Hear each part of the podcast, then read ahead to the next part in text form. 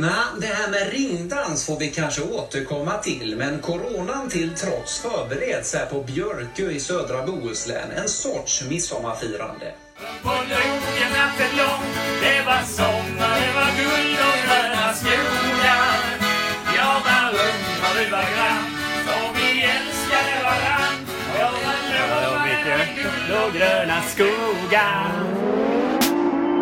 Hjärtligt välkomna till Våga Med-podden. Podden för dig som älskar att aktivera det inre modet och utvecklas både fysiskt och mentalt. Med mig, Mikael Wigerud. Och med mig, Benjamin von Schmuck. Senast som den här trion träffades så fick det ju extremt stort mediepådrag.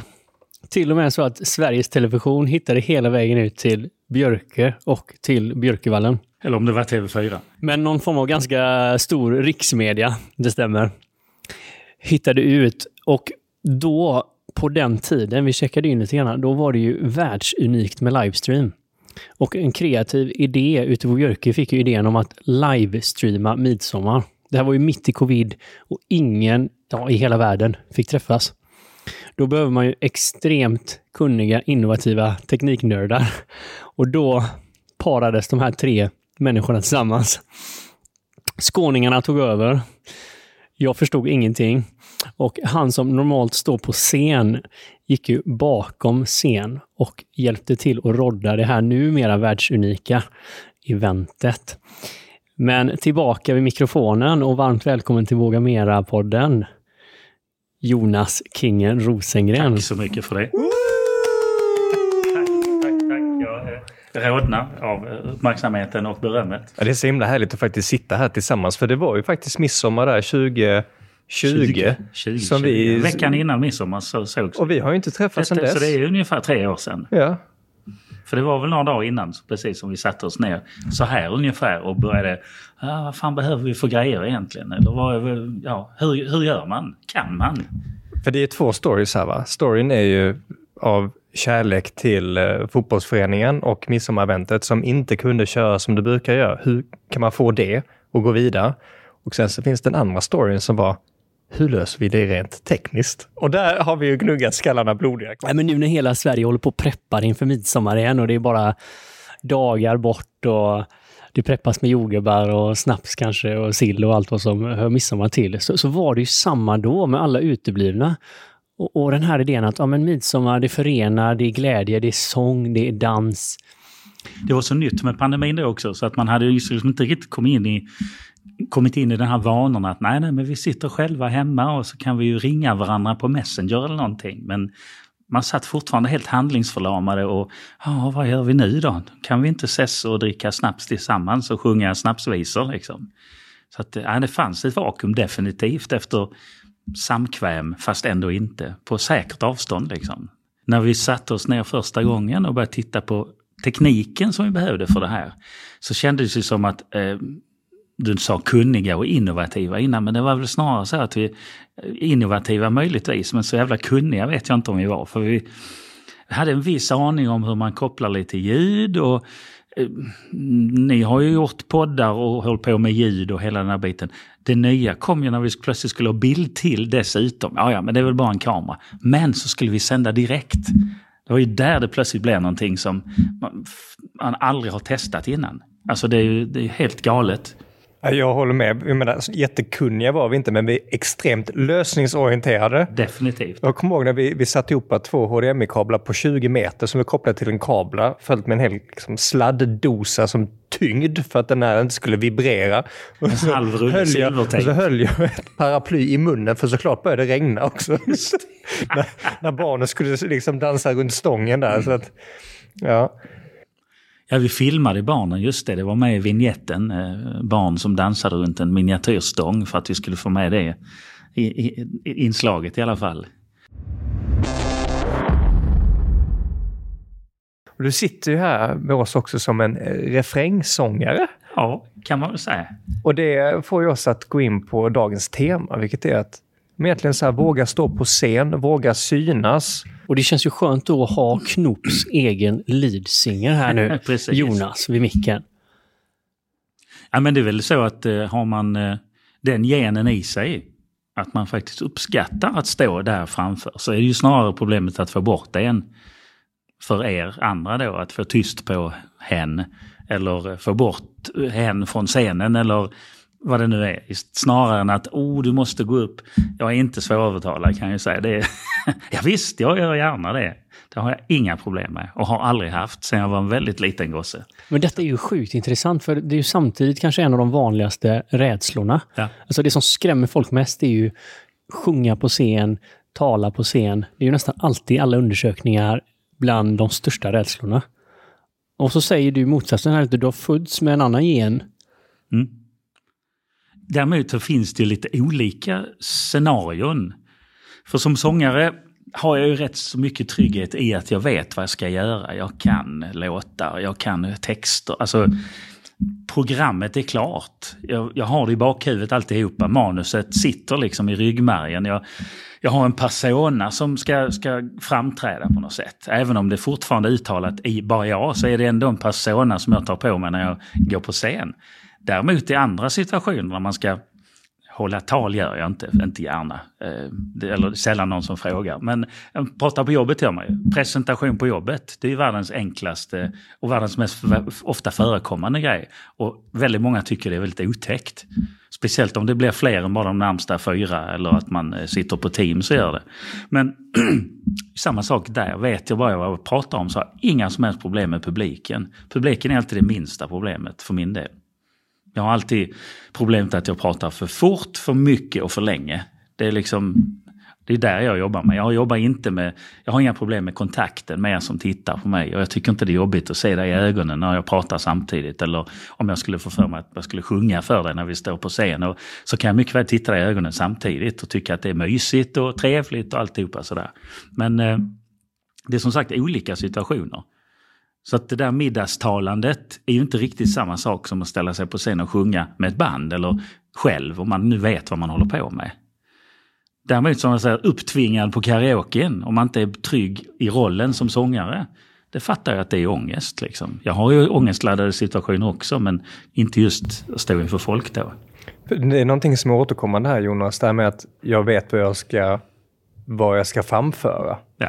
Vad händer om det rubbas? Om någon önskar någonting från dig som du inte riktigt liksom är beredd på? Knyts det i magen då eller? Nej, det är väl lite olika. Det beror på kontexten kan man säga. Är det in, in, i ett sällskap där man är lugn och trygg så kan man ge sig på att prova vad som helst. Är det i ett bestämt sammanhang där som till exempel bandet är engagerade att göra en viss grej, så är jag ganska rigid med vad vi gör också. Vi har ett program att hålla oss till. Kan vi improvisera inom ramarna för det, så fine. Ja, där kommer någon eh, som firar svensexa eller möhippa och någon person vill vara med på scen. Fine, kör på det. Men det är våra låtar vi sjunger och vi möjligtvis ibland vi kan ta upp någonting annat. Men den där spontana improviserade grejerna, de gör man nog mer i, i slutna eller mer be, välbekanta sammanhang tror jag. För vi befinner oss ändå i ett land där eh, det sjungs ganska lite. Kan vi säga. Nu inför midsommar så kommer det ju sjungas. Men det, alla, ja. det, det är med assistans av eh, snapsassistansen. Vad kommer det alltså att det sjungs så lite i Sverige tror du? Och dansas relativt lite och Ska vi hobbypsykologisera kring det så eh, finns ju den här eh, jantelagen som säger att du ska inte tro du är någonting. Det är väl typiskt en sån minns jag faktiskt när jag var ganska ung och sjöng med band de första gångerna. Man har spökat ut sig lite och kanske testar nya uttryck och står längst fram i ett band som visar sig för första gången på min egen hemmaplan där jag kommer ifrån. Och så står det någon, någon längst fram och säger äh, Vem fan tror du att du är? Stick i bomb eller? Alltså folk som kommenterar ens utseende, ens hur man ser ut och hur man gör och hur man rör sig och sådär. Och det är klart att det skrämmer väl kanske folk ifrån att ta ton eller vad det nu är, ta plats överhuvudtaget kanske. Ja, för man, man blir en skottavla där i några sekunder för folks projiceringar eller som ja, i detta fallet då. Ja. ja, vad det nu är som triggar ja, folk att man kan... Eh, någon går upp på scen och då, är det, då har man rätt att mm. kritisera utseende och kritisera Allting, ja, allt får man. Och det spelar ingen roll om man kan själv, utan det räcker att, ja men det är ju som att vi konsumerar annan underhållning. Så kan vi ju klaga på ett dåliga skämt, skitdålig målvakt. Alltså det finns så mycket att hacka på som man inte begriper själv. Men jag tar mig rätten därför att jag har betalt för att se det här eller jag, jag är åskådare. Då ska du ta emot kritiken och se glad ut. För det är sjukt intressant detta när man samtidigt säger, då, när vi checkade in det, så säger det krävs väldigt mycket mod. Det är en av de största rädslan för de flesta. Så kliver någon individ upp och då bara hagelstorm av kritik. Ja, det gör inte det lättare såklart då. Men jag kan inte minnas att jag har fått så väldigt mycket på det sättet som har gjort att jag har liksom tvekat inför, inför uppdraget på något sätt. Men det är klart, det var inte lika bekvämt när jag var 17 som, som det är nu. Nu har man gjort det några gånger fler sen dess då. Så att jag, Typ tre, fyra. Ja, någonstans där. det är den lilla biten som jag sa innan. Det är inte, verkligen inte det jag kämpar med när jag ska göra saker inför folk. Utan då är det allt det andra. Innehållet blir ju extremt mycket viktigare då. Om man är, om man är trygg i själva framträdandet och vet att jag kommer inte bli nervös av att se dig stirra på mig. Och vet, jag vet att du sitter och tänker, fan ful han är eller vad roliga öron han har. Så jag, jag bryr mig inte om det utan jag kan fokusera på innehållet istället. Men hur kan man komma mot det här och vara fri från bry? Liksom, att, att kliva upp ändå? vet inte, skånsk självgodhet eller... om, om du blickar till bandet till exempel, har alla samma, eh, liksom, har alla samma take på, eh, på scenen eller är det väldigt olika? Det är väldigt, väldigt olika. Dels är det en erfarenhetsfråga såklart. Och sen är det också hur man själv hanterar sitt, sitt hantverk. Jag är inte särskilt bra på någonting så jag behöver inte vara så här, ja men nu ska det bli 100% perfekt heller. Jag gör det jag gör och det blir som det blir men man, folk som jobbar med sina instrument och har övat i 40 år, de vill ju att alltid ska låta perfekt och bra. Då är det kanske svårare att, att ha överseende med att vi är bara nästan väl förberedda. Vi, vi, vi är bara till 80 procent förberedda egentligen för att göra det här, men vi kör ändå för att det är kul. Det tror jag är svårare att hantera om man inte har tryggheten i att man vet exakt vad man gör. Jag, jag inbillar mig att det är mycket svårare att spela instrumenten och sjunga. För jag, ja, det låter som det låter. Jag, kan, jag är ingen skolad sångare så jag har ingen, inga sådana verktyg att jobba med. Utan jag går upp på galor så länge rösten håller och sen, sen får det vara bra med det. Och jag har inget stort problem att, jag menar det blir ju fel när vi står på scen. Vi är inte Toto eller andra supermusiker eller symfoniorkestrar som är så välrepade så att det aldrig blir fel. Vi gör ju fel hela tiden. I stort sett varenda låt är det ju någonting som klickar. Men där ser man ju eh, att erfarenheten spelar roll. Därför att vi har ju gjort en resa med, med det här bandet där vi började tillsammans för x antal år sedan nu. Och hade ett par spelningar i början där vi verkligen inte var bra. Men där vi väl drev på för att vi ville spela och där det blev kaos emellanåt när någon spelar fel eller när vi kom av oss och sådana här saker. Folk slutar spela då. Det gör vi inte nu längre. För det är ju grundregeln liksom. Är det något som gnisslar lite så kör på. I bästa fall har ingen märkt det ens. Oftast är det ju så att ingen har märkt det ens. Om det inte sitter någon annan skolad jävel där och mm, för bo. Någon, Kolla, nu någon annan skolad jävel. Nu kommer vi in på känslorna här. det, det händer ju. Det är återigen tillbaka till det där med sitter någon som tar sig rätten att kritisera det du gör där du har tagit mod till dig och gått upp där eller sett till att öva i 15 år för att kunna spela gitarr på det här sättet. Det är klart så sitter det någon som har spelat gitarr i 16 år eller i tre veckor och tycker ändå att de har rätt att kritisera dig fast du har dessutom tagit nästa steg. Bygger man då det här i ett band där man kanske startar och det är, man vet att individerna är jätteduktiga men vi får inte ihop liksom, det blir inget samspel. För ett, ett alternativ är att man säger att vi lägger ner det, det här är för mycket press. Men ni har ju inte gjort det. Nej, ni har gått åt nej, ett helt precis. annat... Uh... Det blir ju ingen press i den... I den i Men är det inte perfektionisten inom uh, individerna som, som jagar? Jo, den är ju eh, vår värsta fiende om man nu ska syssla med det vi gör.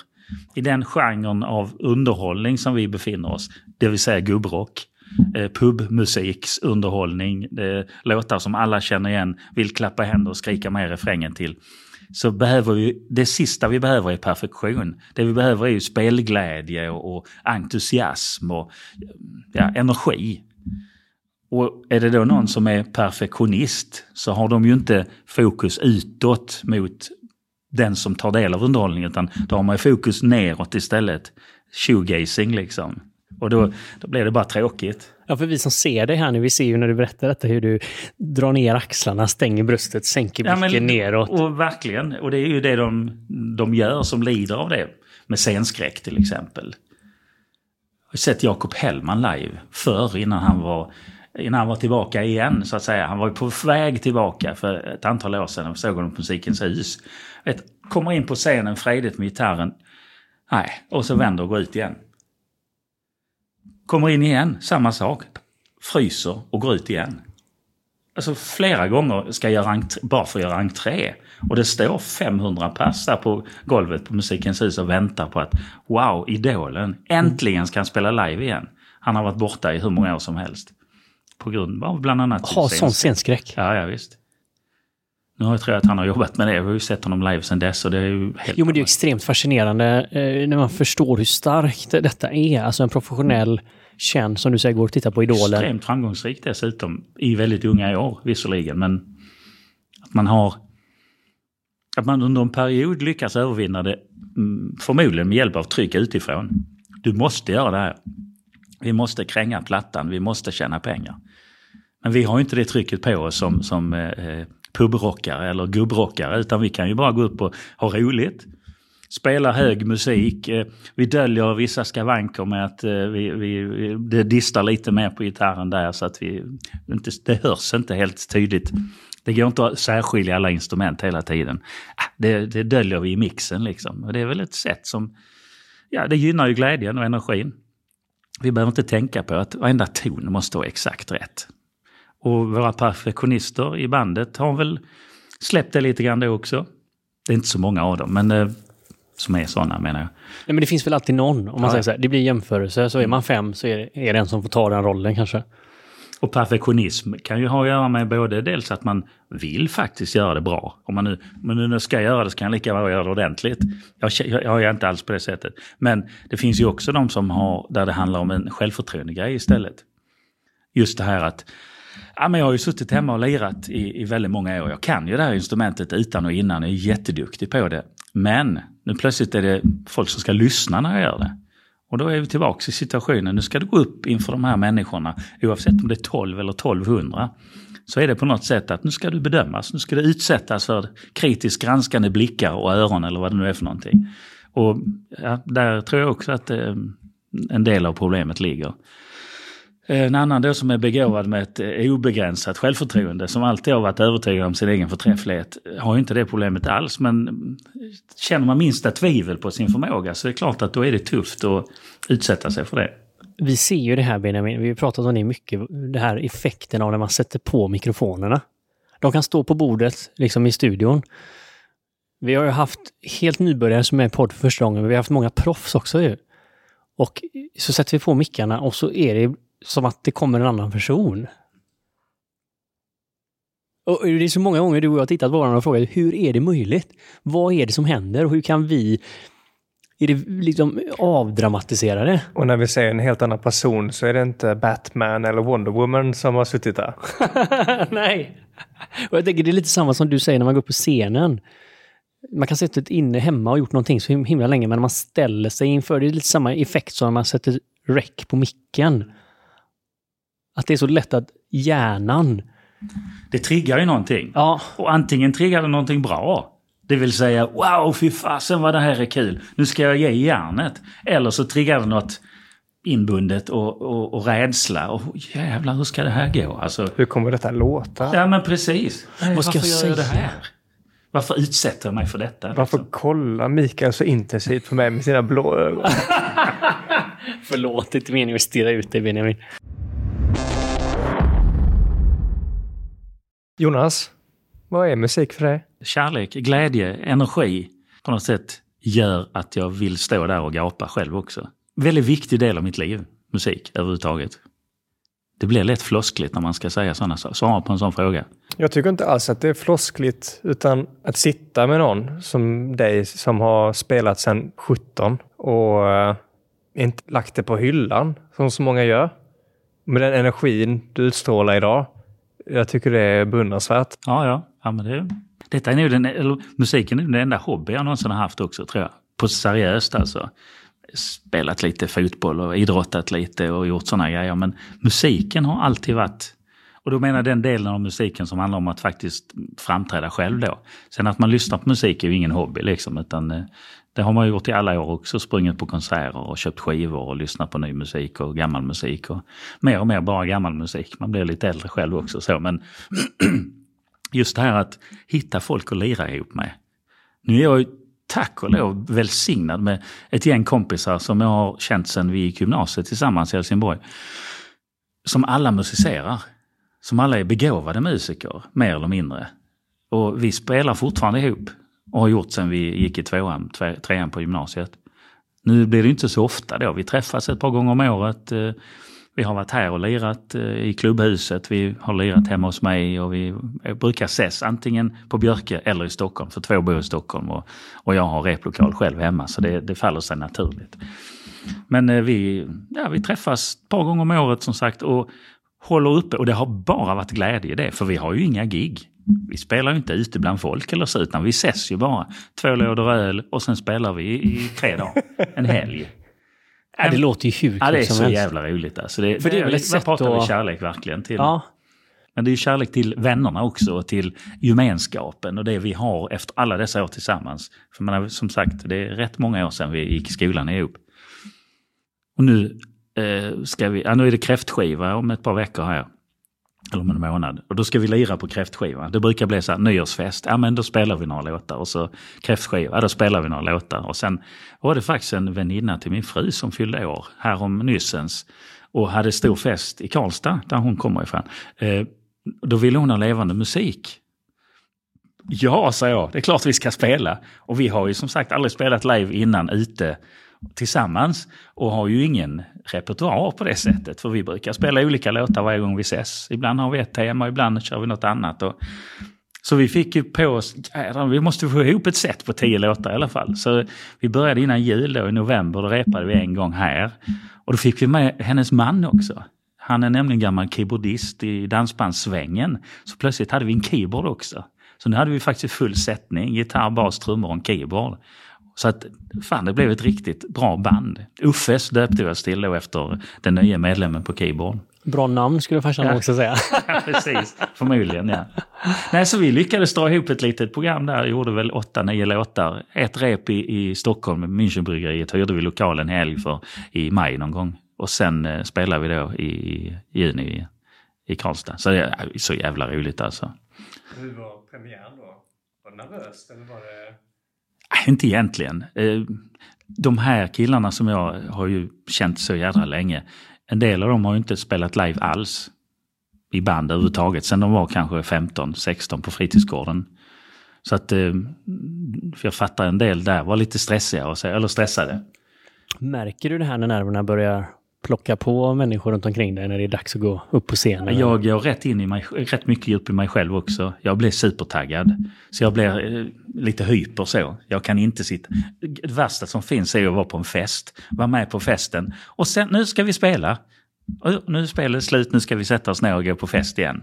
Alltså just de där timmen innan man får gå på scen är ju bara helt bortkastat.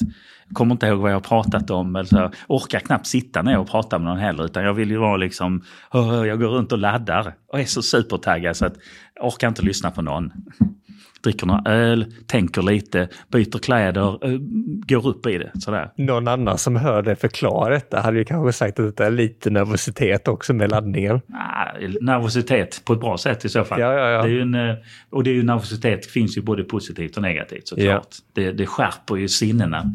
Men man kan säga att du är superladdad då. Absolut. Men jag tror det är en viktig del som du är inne på där till, till alla som lyssnar, för man kan känna igen sig från de olika perspektiven tror jag. Men ett ord som kanske ofta är lite mer negativt laddat för många är just nervositet och kanske det som bromsar folk från att göra något som de vill. Till exempel sjunga, hålla tal, presentera.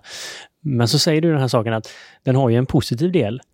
Alltså kan man bara liksom möta den första negativa så är det ju den här entusiasmen, spänningen, glädjen, uppladdningen. Det är som att gå ut på en fotbollsmatch eller som man går inte ut helt apatisk. Nej, utan man försöker precis. Likgiltighet är ju rena döden för kreativitet. För all kreativitet, ja. Energin där försvinner ju helt. Jag tänker också som du beskrev där Jonas, att det blir det blir ett extremt fokus också på det som ska Absolut. göras där. En timme innan, prata inte med mig då för jag kommer inte komma ihåg vad jag säger. Min fru skrattar bara åt mig. Nej, det är ingen idé att prata med honom liksom. Utan de tittar och bara såg. Och de här kompisarna då som jag pluggar med, har gå- gått till skolan med, de har ju inte, som jag sa, vi har inte spelat ihop live innan. Så de har inte sett mig i den situationen heller.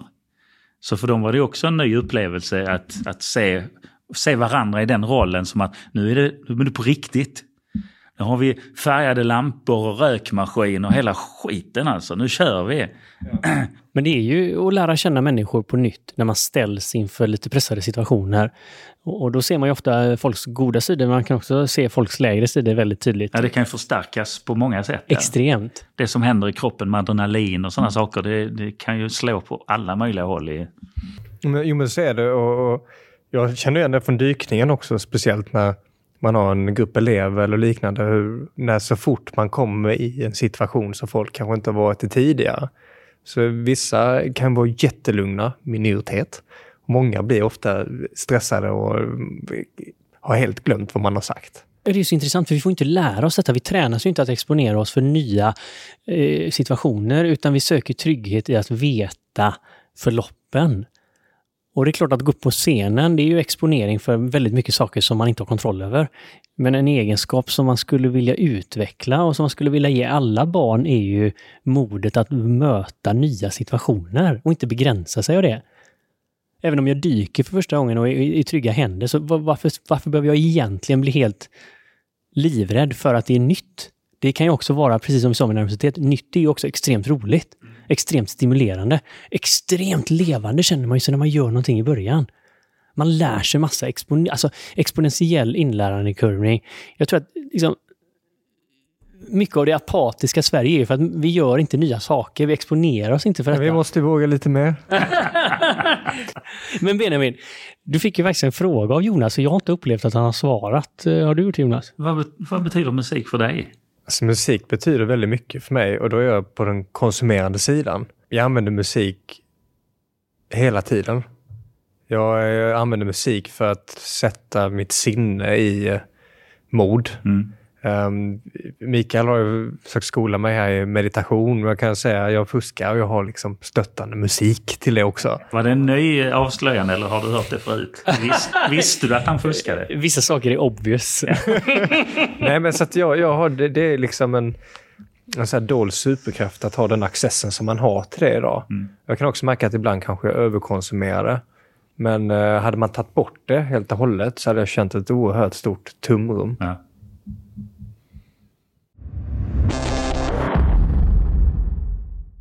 Men vad jag skulle komma till egentligen var att jag konsumerar väldigt gärna levande musik. Och jag gillar ju konserter och så, vi går mycket konserter. Men jag gillar ju också det här, det som jag håller på med själv. Gå på en pub där det sitter någon snubbe med gitarr och lirar och sjunger. Bra eller halvbra eller... Men bara just för känslan av att det är live. Det är här och nu. Han har gjort det jobbet. Han har suttit med sin gitarr hemma, eller hon, eller dem. Och har tagit sig modet att faktiskt kontakta någon. Du, vi har en liten grupp här, vi spelar sån och sån musik. Kan ni tänka er att låta oss spela här lördag kväll? Ja, för fan, kör! Och sen kommer nästa, ja, då ska man verkligen göra det också. Inför folk. Och så räcker det inte som jag sa innan att sitta och titta på sina egna fötter utan man måste ju öppna upp och prata med de som sitter runt omkring. Ha en dialog med publiken och allt det där. Jag- Jag älskar det. För de som gör det och tar telefonen och ringer till puben eller och gör sitt första framträdande så skulle jag gissa att nio av tio kommer aldrig dit. Utan att man liksom sitter kanske fortfarande hemma och tycker det är kul att ha passion för musik men man har inte vågat ta det här steget att kanske söka någonstans att kunna få dela med sig av sin passion. Mm. över tid så har det väl förändrats hur, hur det ser ut, det beteendet hos människor som sysslar med musik. Men när jag var liten så spelade man på fritidsgården och i gympasalen och det fanns eh, livescener även när man var Det fanns liksom utlopp Ja, för det ganska även när man var tidig väldigt ålder. ung, Så kunde man spela i, i, på fritidsgården när man var 13 och ha ett punkband eller vad man nu... Sådär. Men det, alltså det försvann ju på något sätt med att fritidsgårdarna försvann, att fritidsledarna försvann. För det finns inte längre, eller? Väldigt mycket mindre ju. Ja. Och eh, Däremot finns det ju idag helt andra möjligheter att, att eh, distribuera sig själv digitalt. TikTok eh, och alla andra kanaler som finns på, på, på internet som, som man kan använda för... Ja, Youtube ska vi inte prata om hur mycket som... På, på vilka olika sätt man kan ja, skicka ut sig själv där i någon slags situation där man... Men exponera någonting, för nu använder vi musiken som exempel, men det är ju så sjukt många uttryck. Jag gissar att många som sitter hemma nu vibrerar på något att ah, men det här är min musik eller det här är mitt sätt att uttrycka mig. Jag vill, jag vill visa hur man bakar på Instagram eller jag vill hålla ett tal på TikTok eller jag vill dansa. Eller liksom alla de här utloppen, kreativa utloppen som har varit nu. Så du är inne lite på det. Hur, hur tar man det här steget som Benjamin frågar? Hur sparkar man sig själv i baken? Eller vågar man möta den där inre... För jag kan tänka två spår här. Där att använda de här digitala hjälpmedlen. Det kan ju vara en mindre tröskel än att kanske stå på Mm, scen jag för någon. För att du har ju fortfarande kontroll, kan det kännas som. Sen Ja, eller inte- större tröskel kanske sen, också. Sen, sen behöver inte det alls betyda att man liksom gör det. För då kommer kanske den här perfektionisten fram också. Och- Ja, men och typ, det kan få sån extrem spridning och alla kan se. Det finns ju olika. Går man in i ett rum, kan jag tycka, då vet man det är avgränsat. Man vet vilka som är där. Det är de här 12 eller de här 200. Lägger man ut något på internet, shit, mina föräldrar kan se, mina släktingar kan se, de kan se på andra sidan världen. Alltså man, den här och typen... hatet i kommentarsfält som, som knäcker öppnar upp för och sånt, där, ja. Så typ, jag tror att den kan vara väldigt personlig. Det är inte alltid logiskt var man hittar den här oron eller perfektionism, vad som triggas egentligen i motståndet. Men att det är så jävla mäktigt att forcera den ju, om det är något man vill göra. Ja. Men hur tusan gör man det? Bra fråga. Det vet jag faktiskt inte, för jag minns inte när jag själv bröt den barriären. Det är något tidigt exempel, någon historia som... Ja, det finns några gamla foton, jag minns det inte så väl själv. Men vi, vi satt och sjöng barnvisorna i bilen, brorsan och jag, när vi var små. Man satt i baksätet och joddlade och sjöng. När vi, det var Trasan och bananer-sånger och det var ja, lite annat sånt där. Och även lite poplåtar och så. Men vi hade varit på någon chartersemester någonstans. Och så på bussen från hotellet till flygplatsen, vi ska åka hem. Så snackas det i mikrofonen och så pratar vi om, så delas det ut lite priser till den som har utmärkt sig mest på resan och sånt där. Och jag var ganska liten, brorsan var ännu mindre. Och sen är det någon som säger, ja men är det någon som vill komma fram och göra någonting här? Det är så och så. Och då går lillebror och jag upp och sjunger någonting i micken där i bussen. Helt a cappella och helt orepeterat och smö, söta små frottéshorts och, och orangea t-shirts från Sunwing eller vad det nu stod på dem. Men någonting sånt där. Och så står vi där längst fram i bussen. Och jag tror det var... Vad heter den? Om du vill med på nattklubbsväng. Nej. Stackars styrman Karlsson hade otur. Skulle gå på flottans fest igår. När han skulle snöra på sig skorna måttade han fel med sina tår. Han satte foten i en potta. Och så vidare. Så. Den tror jag vi sjöng då. I så tidig ålder. Ja, men det, det, det känns ju verkligen som att du har... Nästan varit född med micken ju. Ja, men lite så. Jag har tyckt det var trevligt. Så, eller kul och något som jag har kunnat göra bra.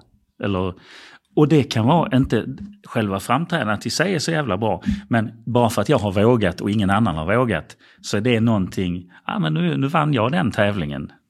Så då behöver man inte vara bäst på fotboll eller på något annat utan jag var bäst på att faktiskt våga gå upp och säga någonting. Så blev det en del av din identitet då? Ja, det var det definitivt. Det blir alltså det här klassens clown och hela den, eh, alltså man vill höras mest och det, det får man äta upp sen i, i ganska många år i sitt liv innan man har lärt sig hantera den där, eh, åh jag vill alltid synas och höras mest i alla sammanhang. När man blir 40 så är inte det så jävla charmigt längre kanske. Och varken på jobbet eller hemma eller bland kompisar. Utan då förväntar sig folk att man kan föra sig på något sätt. Jo, men alla superkrafter kan ju slå över. Ja, ja visst. Och jag menar, alla vet ju den här eh, spelemannen som aldrig slutar spela. Nej, Uggla har väl också fått någon vers om honom. Just det. Så, så det är ju den här balansgången. Ja. Man har ett uttryck som man får uppskattning för. Alltså, jag tror alla har. Och, och eh, det fin- finns ju sån här forskning på det här när det slår över och så blir det, det blir en akilleshäl, det som egentligen är en styrka. Mm. Eh, Och det är klart, i detta fallet är det väl lätt då. Men du har ju någonting där som, som jag tycker är så sjukt inspirerande. Att du är fri lite från perfektionismen. Och du kan säga så här, firandet kan ju ligga i att våga göra det. Mm. Och, och, och det är ju så mäktigt på den här frågan hur tusan man gör. För om man själv kan vara en vinnare för att man gör det, och där frikoppla sig från resultatet egentligen. Jag, jag ska göra det här, jag ska göra det bästa jag kan i denna stunden. Och så ska jag stå i det. Och då är jag vinnare därför att det är ingen annan som vågar, kan eller vill just i denna stunden. Och då blir man unik på något sätt. Ja, och då övervinner vi det själv. Alltså egentligen Absolut. vinnare ojämförbart med andra. Men det är klart, det är ju mäktigt i jämförelse också. Men just det här att övervinna sin egen tvivel eller rädsla, vad det än är. Liksom. Jag, tyck jag tycker det är fint för här separerar vi egentligen prestationen till att våga ta steget och göra det. Till görandet, det är det som är så mäktigt. Det är en frihet kommer ju till eh, allt utövande och allt kreativt ute. Men det var det du sa innan också, den här tröskeln. För vågar man gå över tröskeln så är ju 90% vunnet. För när du väl har gjort det första gången då, då kan du ju börja jobba med content på något, ett annat sätt. Då kan du bry dig om resultatet. För när du väl har gått över tröskeln och känner att nu har jag gjort det, nu kan jag göra det igen och igen och igen. Då kan man ju lägga tiden på att bli bättre istället. Och Det var faktiskt precis så podden började. Låt oss bara få ut det här jävla första avsnittet. Jo, men vi satt ju där lätt frustrerade med våra gitarrer då. Det var ju våra mikrofoner. Och jag, jag sa väl något, eh, jag hade väl något breakdown där Benjamin. Jag tror jag sa så här, men vad i helvete, det är så många människor som gör en podd Benjamin. Ja, fan, nu vill hur vi. svårt kan det vara? Vi försöker rösta mod och vad fan får vi inte det nu? Nej, vi hade liksom spelat in massa avsnitt som vi bara la på en hårddisk. Och så bara, nej men Benjamin, vi Vi måste komma ju ur garderoben. video och kameravinklar och Ja, alltihopa. ni filmade också? Jajamän, det var det här är svenska Joe Rogan får vi ändå säga. Ja, det var, det, men det, det var Gånger perfektionism. två också, för det har ju varit två hela tiden. Men där kan man se hur svårt det kan vara. Men också hur den feedbacken, eller liksom den återkoppling man själv får när man går över tröskeln. När man vågar göra det där som Mm. hjärtats önskningar eller viskningar. Det här. Men vi kände ju då vi båda, vi vill göra en podd. Men vi vågade inte och vi fick inte tummen ur, vilket kanske hade lite med rädslor och perfektionism. Och Benjamin, du gjorde ju liksom Eurogan-kvalitet på ljud och inspelningar och sånt, men vi la dem bara i garderoben. Och det lättaste att göra det är att skylla på att saker och ting är svårt eller tekniskt svårt eller vad det kan ha varit. Nå någonting eh, jag hade velat fråga dig Mikael. Jag vet inte om du är född med micken. Jag vet att du har ju exponerat dig själv mer inför andra, inför grupper och så. Hur, hur har din resa varit där i att våga stå på scen? Jag tror att den har varit, eller den har varit olika i olika faser. En del inom mig har varit eh, ganska trygg i att tala inför folk och haft lätt lite. Jag kan känna igen mig i vissa delar som du säger Jonas. Och, eh, kanske just kring tal och sånt, men i andra delar har jag varit mer rädd. Uttrycka mig i musik. Eh, på scen har jag gjort väldigt lite. Men du spelar också? Alltså hobbyspela, Ja, lite ja, gitarr ja. och, och som jag tycker är väldigt, väldigt roligt med musik och det är någonting som jag vill ta in mer i mitt liv. Och jag skulle gärna vilja försöka trycka mig åt det hållet. Men en sak tror jag där jag liksom verkligen fick rösta bottenmod, det var ju det här när jag skulle gå upp och exponera mig för att dela yoga på scen. Som är liksom allt om man säger. Det är ju som en artisteri på det sättet att du, du äger rummet, du står och håller space och sen så ska man då dela en upplevelse genom rörelser, ljud, kanske mantran, känslomässigt. Så en, en resa, liksom en yogaresa. Och jag kunde inte förstå varför jag behövde göra detta. Jag ville ju bara fly från detta. Stel gammal fotbollsspelare och yogalärare var det typ det sista på jävla listan jag kunde komma på att jag skulle göra.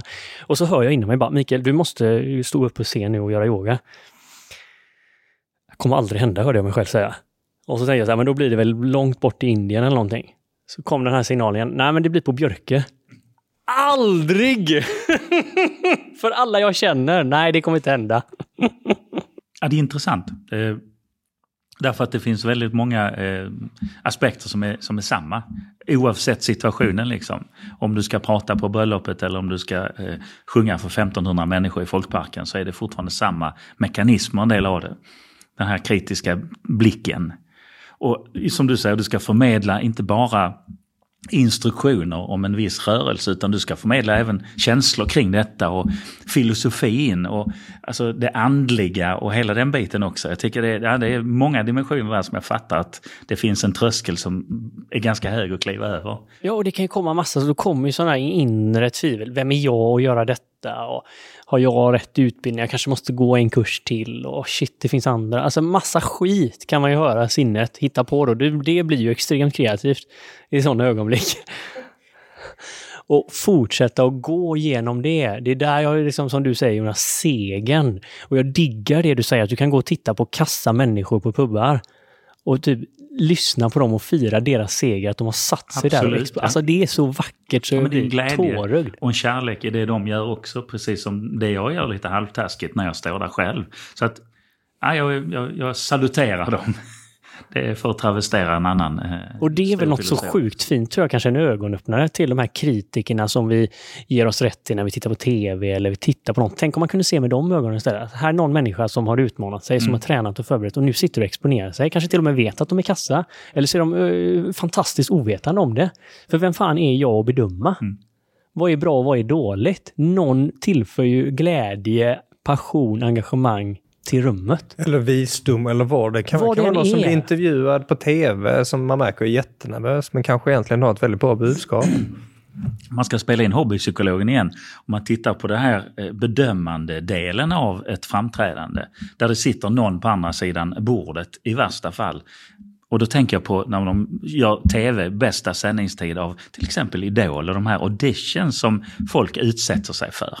Fy fan, den tröskeln kliva över. Gå in och ställa sig, för speciellt ah, säsong två när man har sett skiten innan och man vet hur jävla illa man kommer råka ut om man inte är top notch liksom. De har ju gjort ett jättejobb med sig själva och sen är det klart en del begriper inte bättre men de tror att de är bra. Men alltså de som är lite osäkra på sig själv och kanske bara gått hemma och sjungit lite eller dansat lite eller alltså vad det nu än gäller. Och så går man och utsätter sig för superkritiker. Alltså hur fan vågar man? Det är, det är en tveksamt om man skulle ge, sig på en sån, sån grej egentligen. Vad är din här Benjamin, din sån här lite... Jag har funderat på detta. Att stå och prata inför grupp är någonting jag har nog blivit ganska van att göra. Jag vet inte om det var så när jag var yngre. Att ehm, facilitera eller dra ihop ett team. Jag tar ofta den rollen ganska naturligt. Och jag känner mig bekväm i det, att bli sedd och bli hörd och styra rummet på det sättet. Men vad jag definitivt inte är bekväm i, det är att bli inkastad i någonting i sista minuten. Kan inte du hålla detta imorgon? På det här eh, communityt till exempel. Där jag inte har hunnit förbereda mig, där jag kanske inte känner att jag vet vad jag ska prata om. Då, då, känner, då börjar det krypa. Oh, varför jag? Varför ska jag? Alltså, kommer du nu två timmar innan? Eller liksom det är helg nu, ska jag sitta med detta helgen? Då börjar alla de här tankarna. Är det perfektionisten eller är det dåligt självförtroende? Är det, oh nej det kommer inte att bli bra eller är det, fan ska jag hinna göra det här riktigt bra? Alltså det, jag vill säga att det är nog en kombination där Jonas. Jag, jag tänker så här att jag vill ju inte stå och prata om någonting jag kanske inte kan. Eller säga någonting som får folk att gå åt ett visst håll som kanske inte är rätt. Jag menar, gör ett, två, tre. Och så är ett och två inte rätt. Då, då känner jag... Då det Kvävs man och dör om man gör det i den ordningen. Nej, men eh, och, absolut, en del av mig är perfektionist. Och, eh, och sen tror jag att det finns en, en del av mig som är rädd för hur det, hur, det ska, hur det reflekterar på mig och min, kanske det jag ska utstråla där och då. Det finns ju en del teorier om att det är någon skillnad på kvinnor och män. Och även i det här avseendet. Eh, jag vet att kvinnor, en del kvinnor i alla fall, till exempel min fru brukar säga att typiskt män som så fort det är någonting räcker upp handen och säger visst det kan jag göra. Och så kan de ju faktiskt i själva verket inte utan de, de killgissar liksom. Ah, för fan, jag improviserar, det blir nog bra. Så jävla dåligt kan det inte bli. Eller, och sen i själva verket blir det jättedåligt. Och, fast det sitter bara andra gubbar i rummet som tycker att ah, men det var väl okej det här. Och så skulle kvinnan utsättas för samma situation så reagerar hon kanske lite grann som du Benjamin som säger nej men eh, fasen ska jag hinna få ihop det här på de här fyra timmarna jag har på mig. Det kommer inte att bli bra och jag vill inte göra något som är dåligt. Och, för jag vill vara duktig flicka liksom. Att, eh, finns det en sån skillnad? Har, har, har du några teorier om kvinnor och män Mikael? Finns det någon skillnad mellan könen i det avseendet? Jag, jag tror att grundfrågan är könslös. Den finns i, i Den människan, mänsklig. den är, den är mänsklig. Men jag tror att i, i samhället som vi lever, eh, och, och det kan ha med kön att göra, men det kan också ha med hur vi uppfostras och, och Mm. vad vi ställer för krav. Eh, Så, så, så ser man ju mer detta i kvinnor, givetvis också i män. Men, men kanske att eh, sådana där män som säger saker övertygande men inte har en aning, de, de är vanligare än kvinnor. Men bara för att säga, jag känner absolut igen mig i det du sa där, eh, Jonas. Eh, jag vet inte riktigt, för att man kan ju säga att det kan vara en rädsla. Ehm, och jag kan absolut känna en rädsla att, att prata inför folk om det områden som jag inte känner till. Jag tror det har, jag- jag försöker skylla på att det har med liksom hur pass jag, jag tycker om när man kan vara professionell inom ett område eh, med glimten i ögat. Det behöver inte vara eh, alldeles för seriöst, men att man ändå, när det väl är seriöst, så blir man seriös och man kan hantera de bitarna. Och när jag känner att okay, man, man inte bara kan skoja bort det. Där så att visst, jag gör det här och sen så står man där och sen känns det som att någon långsamt tar ner brallorna för när de bara, ja men hur blev det nu med kvartal 1-siffrorna? Man bara, vadå, vad vill du ha? Oh, eh, alltså tillväxten på marginal. Nej, det har jag inte riktigt koll på. Det, det, där vill jag inte stå. Ja, den är ju trevlig. Den, den, den är nog benägen att, att säga att alla är obekväma i den situationen. För när någon drar ner brallorna på en, då är det inte roligt alltså. Det, Men det är ju inte schysst heller säger du, för du drar ju upp brallorna på folk mer nej, men, än att dra absolut. ner dem. Men i jobbsituationer så är det väl lätt att man hamnar i den... Ja, men det finns ju en sån uh, gängse regel att man får göra det också. Tänk om forumen hade varit annorlunda. Liksom någon jävla stackare ska upp och säga skit som ingen fattar om nyckeltal och sånt. Så, så ska alla bara sitta där och försöka göra parodi av personen och, och dra ner Ja, brallorna och hitta stavfel i, Ja, presentationsmaterialet. Istället eller- för att någon gör detta. Ja. Så ska man säga, ja men om jag tar Benjamin där, då kommer han nog inte veta. Jag tar en avancerad liksom, grej jag lärde mig på Handels här nu och så trycker jag honom när han står inför alla. Så hjärnan är redan avstängd Det för han blir- är liksom stressläge. Alltså varför gör vi så? Blir det ju maktmedel istället. Ja, ja, det blir ju det. sätta Det var precis det jag tänkte på, att man spelar någon typ av politik eller maktmedel. Vad jag uppskattar med kanske med seniora ledare, det är de som kanske inte går in och kollar på decimalen, utan ofta höjer det till den stora bilden. Och fokuserar mer där först och ser till att den matchar istället för att gå in och liksom börja såga folk i knäleden. Och så lite Ja, men det var som min kompis som har suttit nu på styrelsemöten hela veckan. Stor sån industrikoncern. Och sa det är så jävla konstigt. Där kommer vi massa liksom styrelserepresentanter. Det enda vi ska göra är att grilla de här stackars vdarna. De är redan tokstressade innan för liksom dåliga siffror och pressade resultat. Och då ska vi bara sitta och hitta kryphål där vi kan trycka på dem till de knappt de gråter i rummet. Varför, säger hon.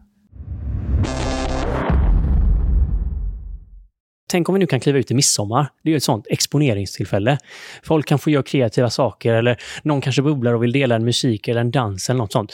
Om vi kan använda den här Rosengren-metoden sen känner jag egentligen och liksom dra upp byxorna så mycket vi kan på barn och på ungdomar. Hjälpa dem igenom sin egen, sitt egna motstånd, oro, rädsla, vad det än är.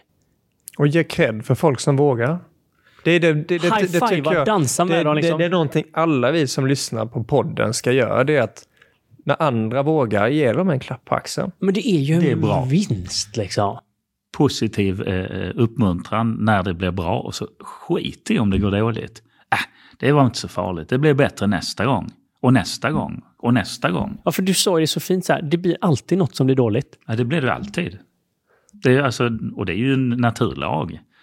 Och det, och det är väldigt speciellt nu också vid midsommar. Folk som kanske ser till att det finns evenemang för andra att gå till. Det kanske finns spelningar nu. Det kanske finns folk som sätter upp tält.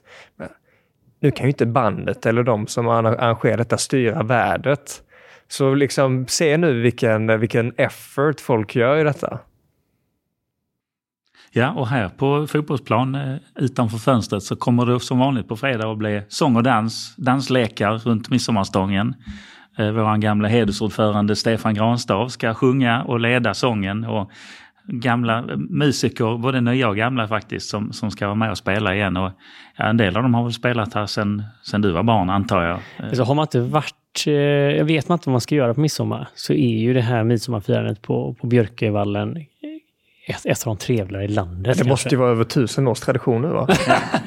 Hundratusen. Men det blir över tusen personer i alla fall. Ja, det brukar det vara. Åtminstone när vädret håller i sig. Nu har vi hört lite av dig här Jonas eh, i början på programmet och hört en ljuva stämma här genom hela avsnittet. Om man eh, har ett eh, event, om man vill ha lite god gubbarock, hur hittar man er då? Ja, bandet Knop. Partybandet Knop en del som säger till och med. Men eh, vi finns på Facebook under namnet Knop. K-N-O-P. Ja. Knop som i Knut fast eh, till sjöss då. Och där finns kontaktuppgifter och allt sånt där. Så att, eh, ja, och vi, vi spelar på de flesta ställen så vill man ha en lite akustisk sommarfest hemma i sin trädgård så kan vi lösa det. Eller vill man ha eh, pubunderhållning eller en större fest så löser vi det. Vi har, eh, tror jag, en, en, repertoar som passar väldigt många eh, människor och smaker.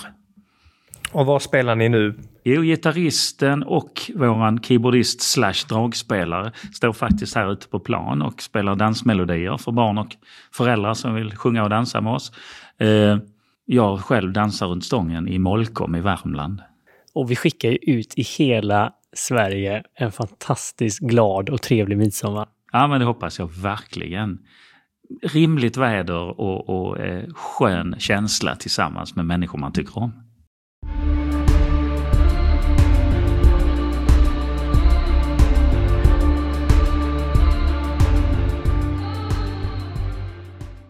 Du har precis lyssnat på Våga Mer-podden.